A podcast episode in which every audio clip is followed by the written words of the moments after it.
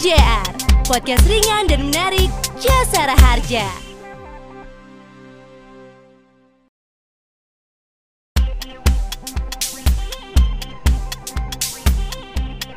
Just Friend, ini dia nih fakta-fakta unik tentang investasi yang bernilai tinggi. Yang pertama, sneakers. Siapa hayo yang hobinya koleksi sneakers? Pasti sering kan dibilang boros? Gak perlu khawatir, karena ternyata sneakers bisa jadi barang investasi loh. Berdasarkan riset yang dilakukan oleh My Future Coach di Amerika Serikat, 50 pasang sepatu yang telah dirilis selama bertahun-tahun memiliki nilai jual kembali lebih dari 60 kali harga aslinya. Seperti halnya Yeezy 2 Red Octobers yang dijual seharga 250 dolar Amerika atau 3,6 juta rupiah pada tahun 2014 sekarang bernilai 5.655 dolar Amerika atau setara dengan 81 juta rupiah. Wow, gimana? Mau tambah koleksi sneakers kamu nggak? Yang kedua, tas mewah. Benda yang satu ini udah nggak asing lagi nih pasti buat cewek-cewek yang uangnya nggak berseri. Pasti sering banget kan kamu bertanya-tanya, buat apa sih beli tas harga mobil atau bahkan seharga rumah? Ternyata alasannya selain meningkatkan gengsi, tas juga bisa menjadi nilai investasi loh dengan memiliki nilai jual yang stabil, bahkan bisa terus meningkat, terutama bagi koleksi tas yang diproduksi terbatas. Dengan begini, hobi belanja kamu tidak buang-buang uang aja nih just friend. Yang ketiga, wine. Yang satu ini mungkin gak biasa di kebanyakan orang di Indonesia. Namun, minuman yang satu ini jelas memiliki tempat tersendiri bagi kalangan tertentu yang memiliki selera serta kebutuhan tersendiri terhadap wine. Wine memiliki karakter tersendiri yang mempengaruhi harganya. Semakin lama dan semakin langka wine, maka akan semakin tinggi juga harga di pasaran. Tapi hati-hati loh, kamu harus pintar menyimpan dan memilah jenis wine-nya ya just friend. Hai Just Friend, ketemu lagi di Prime JR, podcast ringan dan menarik by Jasara Harja. Nah seperti biasa, hari ini Olga Agatha bakal ngobrol-ngobrol sama narasumber yang udah pastinya expert di bidangnya nih. Tapi sebelumnya pengen ingetin juga, karena kita sekarang masih dalam masa pandemi, jadi produksian kali ini pun juga kita mematuhi banget nih protokol kesehatan. Pakai masker, terus juga kita ada swab antigen, kita menjaga jarak juga. Jadi mudah-mudahan Friend yang lagi di rumah, lagi bekerja, lagi di perjalanan, bisa terus menjaga protokol kesehatan ya, jaga jarak, memakai masker dan juga rajin untuk mencuci tangan. Aku juga pengen ingetin kalau ada giveaway yang bisa diikutin di Instagramnya @pt underscore jasara harja. Jadi tinggal di follow aja, nanti akan ada pertanyaan dan silahkan langsung dijawab ya, karena udah banyak banget yang menangin hadiah-hadiah menarik dari jasara harja. Jadi pastiin follow @pt underscore jasara harja. Nah, kali ini aku akan kedatangan dua narasumber, udah barengan sama Olga Agatha di sini. Yang pertama adalah Mas James Evan Tumbuhan, Digital Business Development dari Bahana, dan yang kedua adalah Mbak Yulia atau dipanggil Ciul. Ini Mbak Ciul ini Human Capital Jasara Harja dan juga Human Spirit of Millennial. Oke Kak James dan Kak Ciul apa kabarnya? Baik, Olga. Alhamdulillah Kak Olga.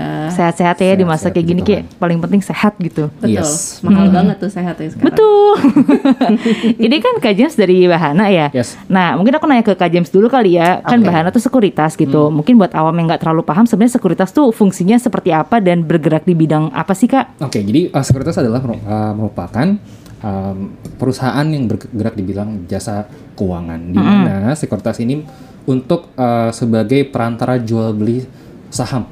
Oke. Dan juga mungkin di selain saham juga ada obligasi. Hmm, gitu. Jadi sekuritas itu macam-macam. Dia bisa berfungsi sebagai underwriter, Hmm. sebagai untuk ketika sebuah perusahaan ingin melakukan IPO saham, Mhm. itu bisa ke sekuritas untuk membuat uh, untuk mel- melakukan IPO, initial public offering untuk saham. Oke. Kemudian uh, sekuritas juga sebagai brokerage, jadi perantara jual Oh, dan beli ya. sahamnya gitu. Ha, ya. ha, ha, ha. Jadi brokerage untuk jual beli saham, kemudian sekuritas juga sebagai advisory Hmm, untuk kalau misalkan kalau perusahaan ini mau ada merger atau kemarin kemarin kan sempat dengar bahwa ada goto gitu ya, ha. merger gitu kan. Kenapa harus merger kayak gitu-gitu? Itu semua bisa di uh, ke sekuritas untuk nanya kayak gimana sih merger yang baik apa enggak. Oh. Dan terakhir ada research. Jadi kita Oke. tentunya ada research-research buat lihat uh, kayak gimana sih uh, peluang apa faktor-faktor ekonomi atau misalkan perusahaan-perusahaan sekarang tuh kayak gimana kondisinya makronya mikronya itu dibahas semua di sekuritas. gitu. Oke, nah di episode kali ini kan sebenarnya kita pengen bahas tentang financial planning ya. Jadi ini aku pengen nanya pendapat kakak-kakak nih yang udah lebih lama kerjanya dibanding aku. Eh, kalau Kak Ciul sendiri berapa tahun kak eh, usia? Maksudnya oh, bukan usianya, sorry, Jangan maksudnya usia dong. kerjanya. Iya iya iya. kerjanya berapa lama sih kak? Aku kalau aku usia kerjanya ini udah enam tahun, tepat di Hmm. bulan Juni kemarin pas enam tahun. Oke, jadi udah cukup lama lah ya, udah ngerasain Iya.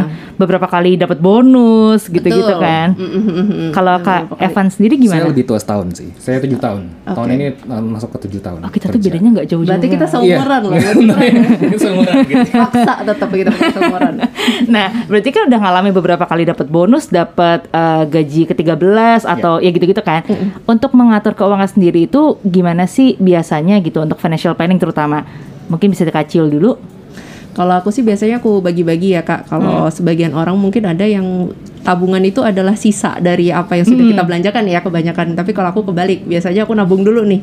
Aku paksain untuk nabung dulu sekian persen, tergantung nanti misalnya ada apakah ada bonus ataukah cuma gaji aja gitu ya.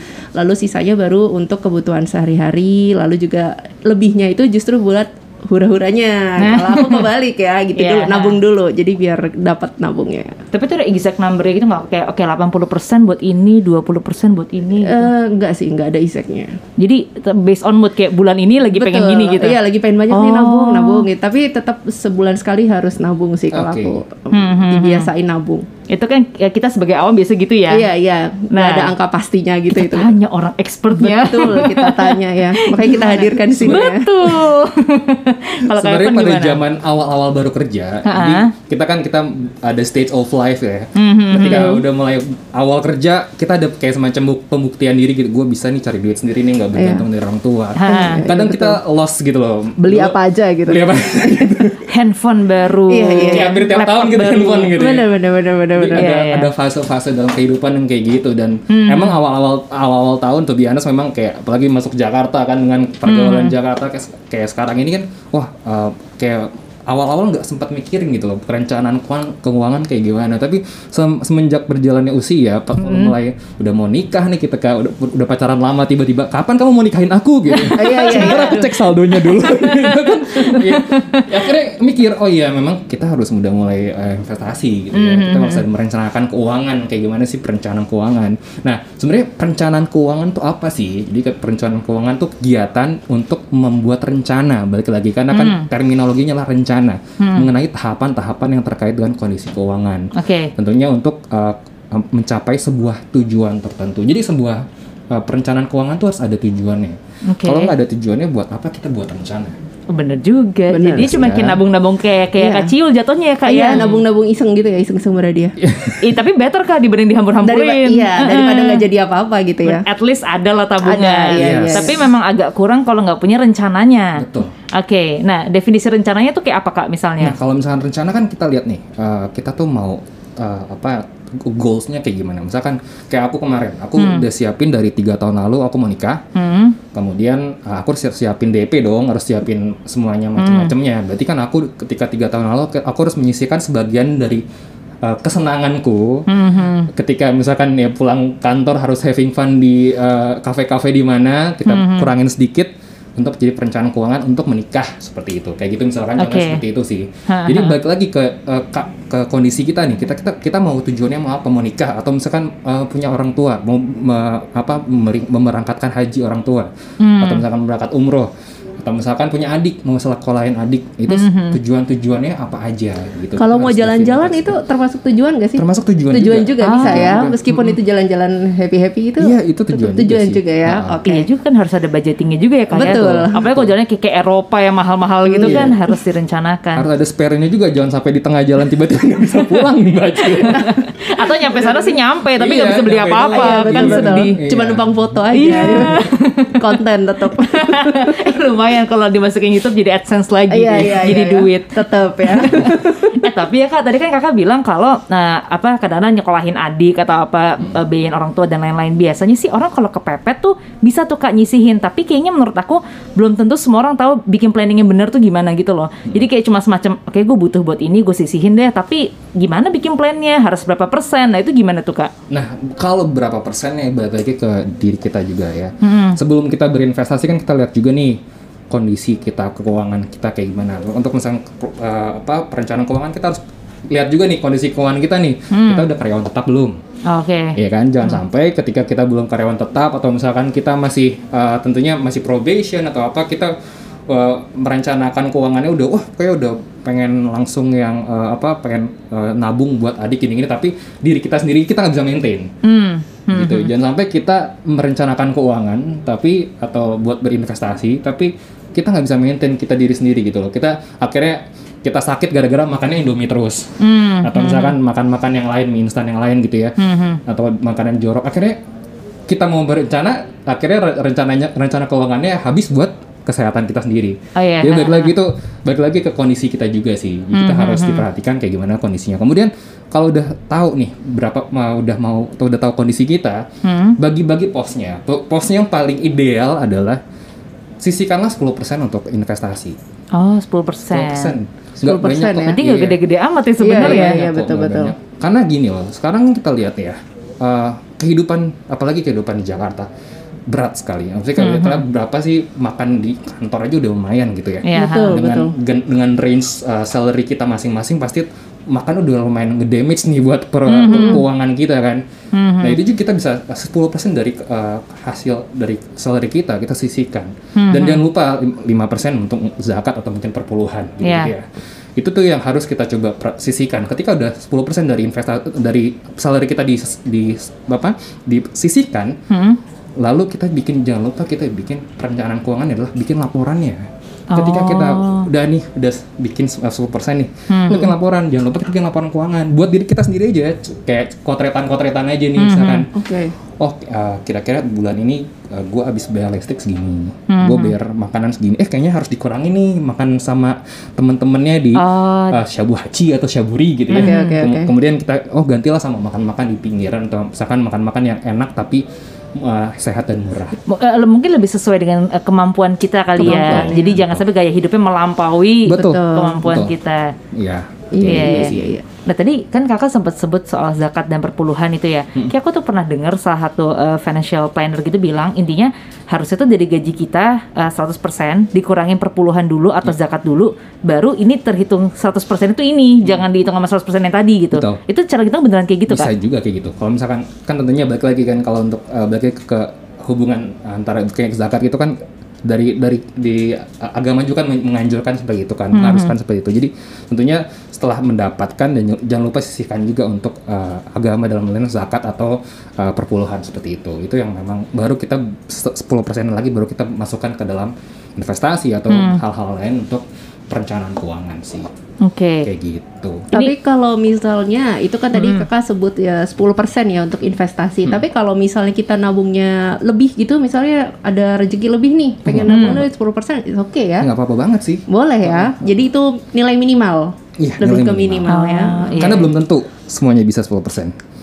Oh iya, oke. Oh, kan? Belum Bisa tentu. jadi maksimal juga ya.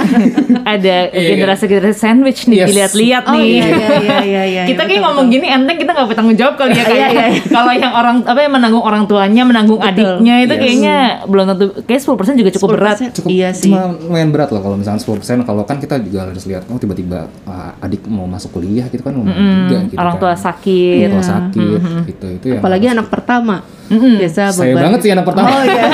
makanya dari tadi dia kayak paling eh belum tentu loh Apa dia berapi-api atau Iya. semacam Iya. curcol ya? kan saya anak terakhir jadi saya kayak enggak tuh tanggung jawab kakak-kakak saya Ah, iya, gitu iya, betul, sebagai betul, anak betul. pertama Iya. berat ya kayak Berat itu juga sih, 10% gitu. juga iya iya iya Tuh. Eh, tadi kita se- sedikit menyinggung soal eh, generasi sandwich gitu ya. Ini kan juga banyak diomongin sama orang-orang. Jadi mungkin buat just friend yang apa sih generasi sandwich atau kayak emang apa yang dalam, dalam- apa termasuk dalam kategori itu? Berarti sebenarnya adalah orang yang menanggung dua keluarga gitu nggak sih kak? Betul, Pengertian betul. gampangnya? pengertian gampangnya adalah ketika generasi sandwich itu menanggung dua keluarga ketika dia sudah berkeluarga Hmm. kemudian tapi dia masih ada tanggungan keluarga di atas Eh, Orang tua ayahnya gitu atau, ya, orang tua tapi dia juga perlu biayain anaknya Hmm, hmm, hmm. gitu kan itu berat juga kan eh, tekanan dari atas dan bawah gitu Hmm, kayak dijepit gitu kan makanya dia bilang generasi sandwich kayak dijepit gitu di tengah Dan harus ini ya, kayak kadang nih uangnya berapa nih buat diri sendiri jadi nggak nggak cukup Betul. nggak sih? Mm-mm. kayak nggak cukup buat akhirnya Betul, dari. Betul sih kayaknya. Betul banget. Betul kayak- sampai lemes. napasnya betul Berat. Soalnya saya anak pertama juga sih Oh, sebenarnya. tapi kakak ngalamin gitu nggak? Eh, enggak banget, enggak terlalu banget sih. Cuma itu kayak lebih ke kayak keinginan aja sih berbagi Oh, ya, ha, ha. lebih ke kayak gitu. Tapi tidak menjadi keharusan sih.